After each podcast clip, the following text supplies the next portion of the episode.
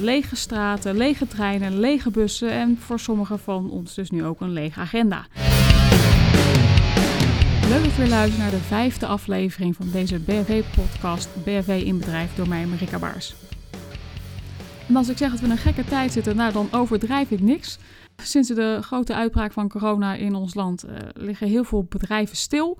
Uh, zeker ook BFV-bedrijven uh, zijn, ja, hebben zich gedwongen gevoeld om de deuren te sluiten, cursussen te annuleren, noem het maar. En dat levert gewoon best wel veel stress op, merk ik bij mensen. Daarom wil ik in deze aflevering, zeker als je BFV-ondernemer bent, drie tips geven zodat je toch nog geld kan verdienen. En als je hoofd of coördinator BFW bent bij een organisatie, dan heb ik ook drie tips voor je. Want misschien dat je juist wel nu flink aan de bak moet gaan. Ja, wat ik zei net al, het is gewoon een gekke tijd. Er is veel onduidelijkheid. Uh, lege straten, lege treinen, lege bussen en voor sommigen van ons dus nu ook een lege agenda. En dat brengt paniek met zich mee. Althans voor een aantal van ons. Want ja, vele van ons zijn BFV-ondernemer geworden voor het geld. En ik ben ervan overtuigd dat je uh, dat ook doet omdat je het leuk vindt. Maar ja, uiteindelijk is het toch op het plan als je ondernemer bent dat je daar uh, geld mee verdient. Ja, nu zien vele uh, mensen instructeur zijn en keer hun boekingen geannuleerd worden. Of ja, hebben ze de vraag gesteld of ze überhaupt nog zicht hebben op inkomsten. Goed, genoeg om over te praten. Maar ik zal mezelf eerst eventjes voorstellen voor het geval je mij nog niet mocht, uh, mocht kennen. Uh, mijn naam is Marika Baars, ik ben zelfstandig BRV-adviseur. Ik geef BRV-advies en consultancy en ik schrijf bedrijfsnoodplannen. En dat doe ik voor de meest uiteenlopende klanten. Uh, zo heb ik op dit moment een grote opdracht bij de Erasmus Universiteit in Rotterdam. schrijf ik bedrijfsnoodplannen voor de TU Delft. en werk ik bijvoorbeeld ook voor vastgoedbeheerders, productiebedrijven, scholen, rijksoverheid, provinciale archieforganisatie... Uh, musea, jeugdzorgplusinstellingen, ziekenhuizen. Ja, heel verschillend dus waar ik, uh, waar ik allemaal terecht kom. En ja, ik heb juist deze podcast ook om mensen nou, hopelijk te inspireren. Uh, misschien om een klein weer een beetje licht aan het einde van de tunnel te laten zien. Hoe gaan we nou deze coronacrisis doorkomen? Want één ding weet ik zeker het lijkt erop dat we er verdomd weinig invloed op gaan hebben. Dus ja, we moeten mee met die golf, mee met die beweging en daar zo goed mogelijk op anticiperen. Ik denk in ieder geval één ding wat echt belangrijk is, uh, zowel voor jezelf als voor een ander. Blijf weg van dat Calimero-gevoel. Zo van, ja, maar zij zijn groot en ik ben klein. Het is allemaal niet eerlijk. En weet je, het is... De grotere BHV-bedrijven hebben zeker een voordeel ten opzichte van jou als kleine ondernemer. Maar aan de andere kant, je moet het juist hebben van de massa. Doordat je kleiner bent, ben je weliswaar kwetsbaarder, maar tegelijkertijd ook flexibeler. En daar zou menig organisatie die groter is, daar echt nog wel jaloers op mogen zijn. Ik zie dat bij veel mensen die uh, bij een grote organisatie werken, vaak de dingen doen zoals die altijd deden. Ja, het spijt me, maar ik heb toch wel snel het idee dat uh, mensen bij een grote organisatie minder mogelijkheden zien, omdat ze toch wel heel geld krijgen in plaats van dat ze meedenken in mogelijkheden van hoe gaan we dit voor elkaar krijgen met z'n allen. En ik hoop van harte dat als jij dit leest, dat jij dit, als jij dit hoort, jij, en jij werkt bij zo'n grote organisatie, denkt nee, helemaal niet. Top, ja, ik alleen maar toe. Maar vergeet niet, kleinere organisaties hebben op sommige vlakken misschien niet altijd dezelfde financiële ruimte. Maar die, die, die drive, die, uh, die denk ik noodzakelijk is om een werkbare oplossing te zoeken en die te vinden, is naar mijn idee gewoon vele malen groter. En ik zei het net al, als je één ding niet moet doen, uh, naast het vasthouden van het Calimero-gevoel, uh, is denk ik ook willen dat het, het oude weer terugkomt. Want dat is voorbij, dat is weg. Hoe, hoe rot dat ook is. En misschien kun je, nou ja, misschien moet je juist wel in deze situatie de zaken anders doen. En misschien wel totaal anders. En in deze podcast wil ik je tips geven die hopelijk inspireren. En ik denk dat het belangrijkste in deze situatie is: neem eens contact op met je klanten. Vraag eens hoe het is. Waar lopen ze tegenaan? En ik, ja, het is ik sowieso al een natuurlijk moment uh, om oprechte interesse te tonen. En dat het al jou ook nog eens keer kan helpen om inzicht te krijgen op welke manier het jou gaat beïnvloeden, jouw bedrijf. Ja, dat is dan misschien ook nog eens keer gewoon mooi meegenomen. Maar ik denk dat het juist belangrijk is door goed te luisteren op zo'n moment. Om te horen wat jouw klant uh, wil en of je daar wellicht bij kunt helpen. Nou, als eerste concrete tip die ik je zou mee willen geven is kijk eens of je uh, onderhoudsactiviteiten naar voren kunt trekken. Zeker als je een bedrijf hebt met uh, onderhoud van blusmiddelen, AED's, reanimatiepoppen, EHBO-koffers. Weet je, nu is, is het rustig. De gebouwen zijn ja, aan de ene kant misschien wel deels voor onderhoud veel makkelijker toegankelijk dan normaal. Je kunt rustiger je werk doen in plaats je constant wordt weggeroepen. En dat heeft gewoon ook gewoon heel veel voordelen. Het tweede punt. Ga eens na of mensen die normaal klassikaal bij jou les krijgen, nu al, is het maar voor een deel e-learning kunnen gaan doen. Dat scheelt je gewoon al uh, de helft, zowel qua inkomsten, misschien dat je zelfs al 50% kan factureren, als de andere helft het praktijkmoment laten doen. Stel jezelf en misschien wel jouw klant en jouw cursist de vraag waarom ze zich nou eigenlijk hebben ingeschreven voor die tweedaagse cursus op locatie. Want ik zat zomaar in uh, al zie ik dat gewoon uh, hier op de Erasmus Universiteit, dat een aantal mensen het gewoon lastig vindt om tijd vrij te maken om de theorie voorafgaat aan de uh, praktijkdag door te nemen. En dat ze daar denken, geef mij dan maar gewoon twee dagen, dat kan ik makkelijker vrij plannen. Ik ben er dan gewoon niet, niemand kan me storen, dat is gewoon nu veel makkelijker. Maar ja, nu zitten ze in een andere situatie. Een groot deel van de mensen werkt thuis. Uh, of het dan even rustig is, dat is nog even deel 2. Maar uh, misschien dat ze juist dan nu wel het moment kunnen vinden om die theorie van tevoren door te nemen. Dus benader ze actief en stel ze voor om juist die e- e-learning te gaan doen. En als derde, uh, dat heeft ook een klein linkje met het uh, tweede punt wat ik je net vertelde. Ga eens experimenteren met andere verdienmodellen. Denk eens na over bijvoorbeeld online coaching of online instructie. Eh, waarom zou je niet gaan lesgeven via uh, Zoom of Skype of op een andere manier, uh, misschien wel in de vorm van een webinar? Ik ken namelijk geen richtlijn die zegt dat dat niet mag. Ik weet dat er richtlijnen die zeggen je mag maximaal 15 mensen in een groep hebben. ze moeten allemaal een blusmiddel hebben vastgehouden. ook welk type blusmiddel. Maar ja, lesgeven of afstand, dat staat er niet bij. En ik weet dat er ook mensen komen met alle excuses van, uh, nou ja, zo bijvoorbeeld een, een, instructeur zegt, ja, maar ik wil mezelf niet filmen. Oké, daar is wat voor te zeggen, maar volgens mij is bij heel veel mensen dat ze het eng vinden. Terwijl als je voor een groep mensen kan staan, uh, wat denk ik veel enger is dan kijken naar een kastje met een gaatje erin, waar niemand wat zal, zal terugzeggen. Denk je dat het nou juist een ja, mooi, ja, mooi middel is uh, en een juist moment om het eens een keer gewoon te gaan proberen. En als tip daarvoor uh, wil ik je meegeven: laat het perfectionisme los. Weet je, daar is het gewoon nu niet de tijd voor. Kom gewoon in actie en ja, make it happen. Je zou natuurlijk ook kunnen kijken of je je webshop nou, of kan beginnen of kan uitbreiden. Kijk, en dan denk ik niet meteen aan fysieke producten, want dat lijkt me nu gewoon best wel lastig om die uh, ja, allemaal bij te krijgen en te verzamelen. En ik geloof niet dat je nou met alleen een webshop ja, het grote geld misschien niet, maar ja, dat, even een, webshopje beginnen wordt door zoveel mensen onderschat. Ik heb dat zelf destijds een keer geprobeerd met um, manchetknopen voor dames. Dat was allemaal een hartstikke leuk idee. Werd ook echt wel heel aantal verkocht, maar op een gegeven moment ligt het stil. En ik moet je zeggen, toevallig dit weekend heb ik er, nou, ik, we hadden nog een stuk of 30 over. 30 doosjes met, met manchetknopen waarvan ik niet eens meer wil weten waarvoor ik het heb ingekocht ja, gewoon weggedaan omdat niemand er meer op zat te wachten. En ja, die ervaring zou ik je graag willen besparen. Maar het, um, een webshop kan je natuurlijk ook op een andere manier inzetten. Hè? Uh, juist met online producten. Denk eens aan een e-book, aan een checklist, aan een uh, misschien wel bepaalde spelvorm wat je in een digitaal product kan, uh, kan aanbieden. Waarom niet? Ik zou het gewoon proberen als ik jou was. En misschien heb je ook wel een opleidingsruimte. En ik weet dat er tal van mensen nu in één denken... ja, maar ik heb een opleidingsruimte, wat moet ik er nou mee? Al mijn cursussen zijn geannuleerd, help, help, help. Oké, even, even ademhalen, even... Je hebt waarschijnlijk een fantastische ruimte.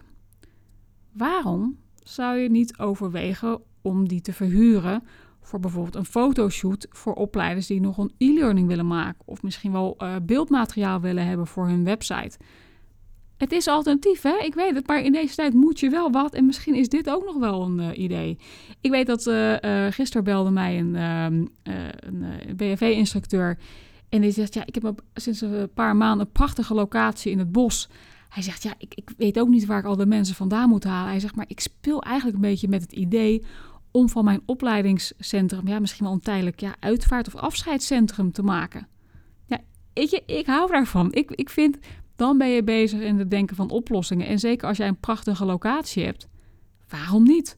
Um, nou ja, hier op de Erasmus Universiteit komen al heel veel studenten studeren, omdat ze op een, normaal op een kleine studentenkamer zitten van, nou ja, pak een beet acht vierkante meter, een bureau en een bed en een kast en je bent er wel. En die willen juist op de campus studeren, zodat ze en ja, meer licht hebben, beter internet. Weet je, misschien dat je jouw uh, ruimte wel kan uh, aanbieden als alternatieve studieruimte. En voor al die mensen die nu thuis aan het werk zijn, al die ouders die bijna misschien wel nu al gek worden van kinderen die ze niet met rust willen laten, omdat ze denken, oh papa mama is thuis, hoppakee, gezellig, in plaats dat papa mama ook nog gewoon uh, wat moet doen om geld te verdienen. Ik kan me zomaar voorstellen dat die mensen op een gegeven moment ook toe zijn aan gewoon een werkplek buiten de deur. Um, ik denk zeker ook, ik weet niet of je een hotel hebt, maar of in ieder geval mensen kent met een hotel. Stel dat hotels hun uh, slaapkamerruimtes uh, misschien gaan voorzien van een uh, bureau, dat mensen daar overdag ehm, een, een, werkplek van kunnen maken. Misschien wel tegen een interessant tarief. Ik denk dat het prima zou werken. ik sprak van de week, iemand heeft een eventlocatie en die zegt, joh, ik denk dat ik het gewoon ga aanbieden als crisisoverlegruimte ja, weet je, als het er gewoon mooi uitziet. Mensen worden misschien al rustig van de, van de inrichting, van het kleurgebruik, van de planten. Je hebt gewoon goede faciliteiten als uh, uh, audiovisuele middelen. je hebt het gewoon allemaal op orde. Waarom niet? Pak je kans, mensen. Pak je kans.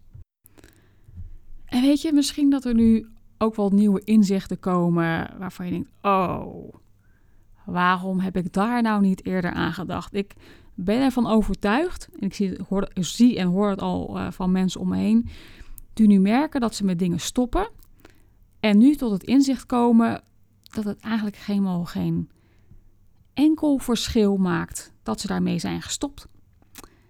Dus uh, mensen die normaal in geen zes weken een gaatje hebben voor even een kort overleg, waar nu die hele agenda van leeg uh, ja, geveegd is, alles is geannuleerd en nu gewoon zo waar aan hun werk toe komen dat is toch raar? Dat is toch raar? Ik, doe, ik, ik denk dan ook aan de CITO-toets. Die is nu dus nu ineens uh, afgeschaft.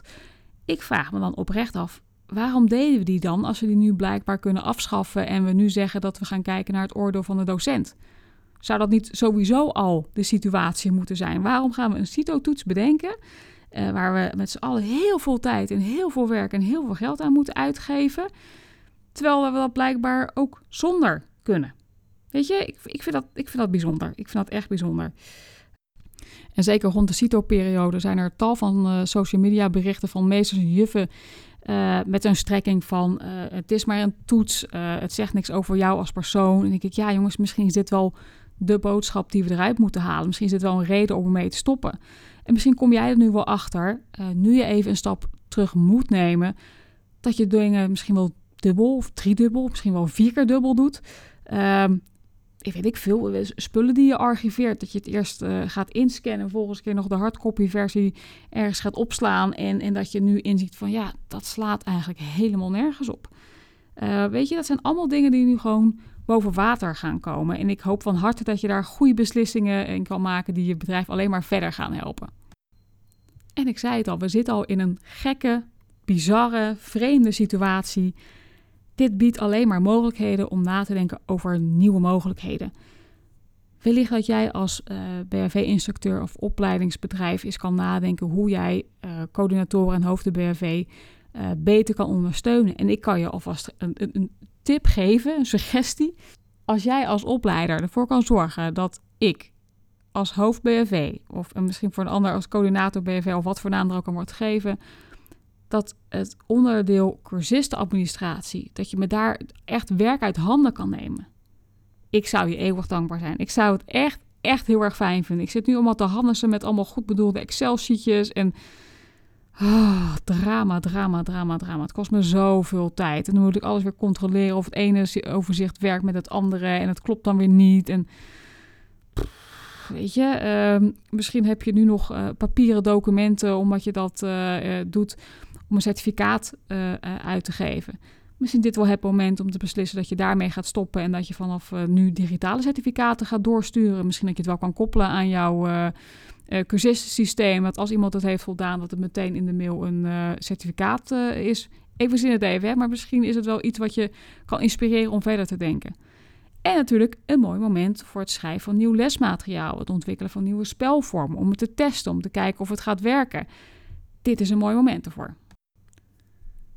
En de derde suggestie die ik uh, ja, je wil voorstellen is: ga experimenteren. Ik weet dat er zo'n verhaal is uh, dat als je een nieuwe vaardigheid je eigen wil maken, dat je dan iets van 10.000 uur zou nodig hebben.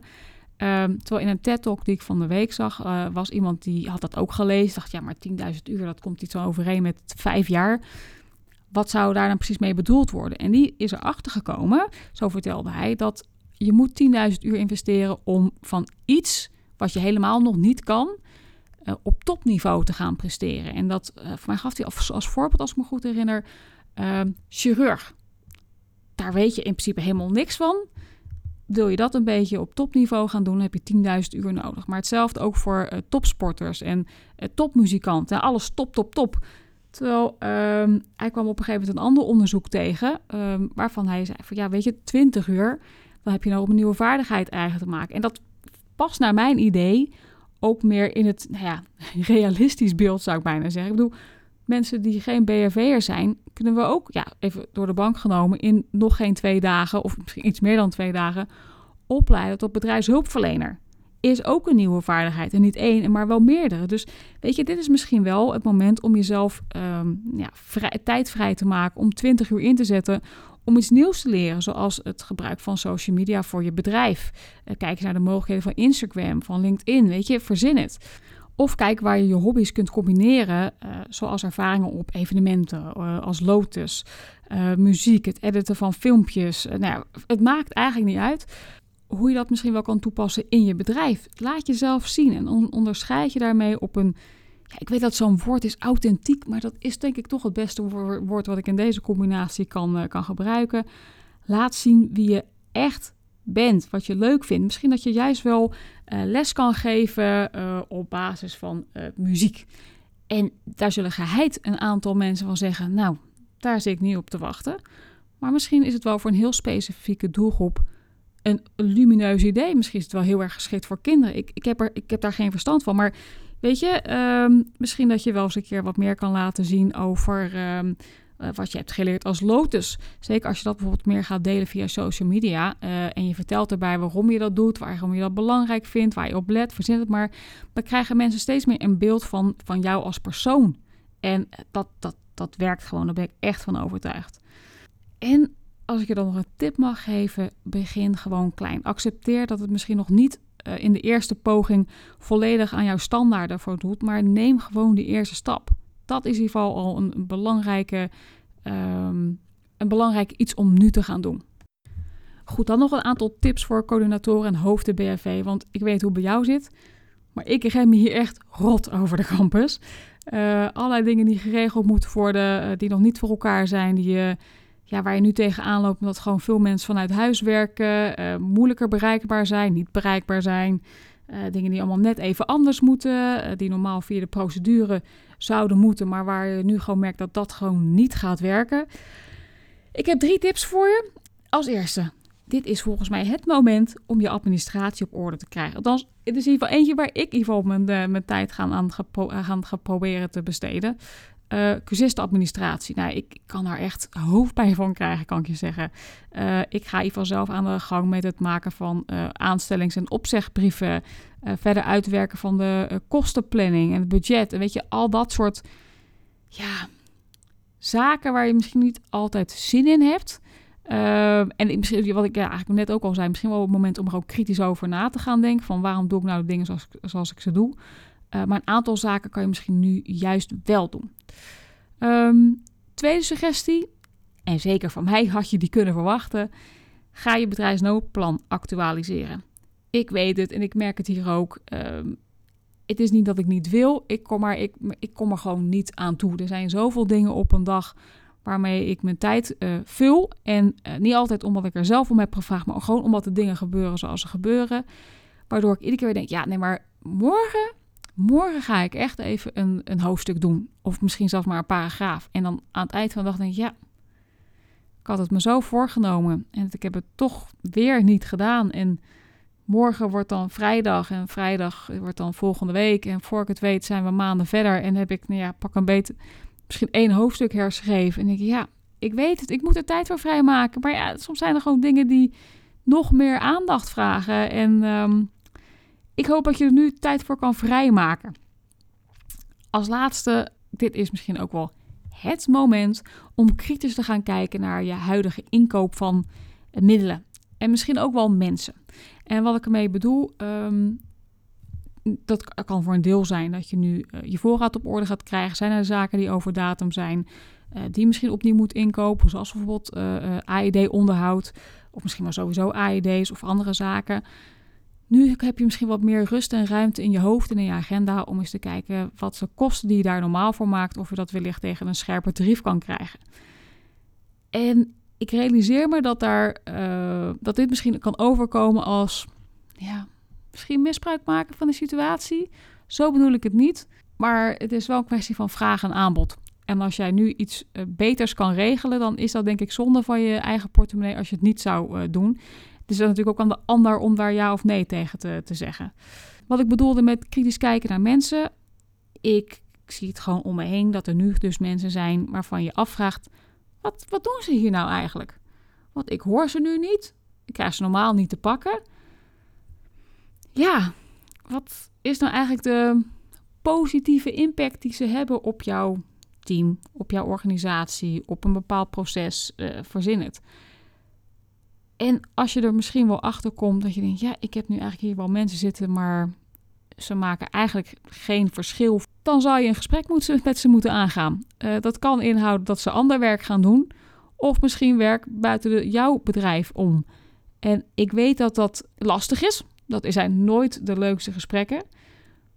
Maar als je daar open en eerlijk in bent en gewoon heel redelijk, ja, nog steeds vinden mensen het niet leuk. Doe punt. En voor jezelf is het ook niet leuk. Maar het zou toch zonde zijn als je mensen werk laat doen wat eigenlijk gewoon helemaal geen zin heeft.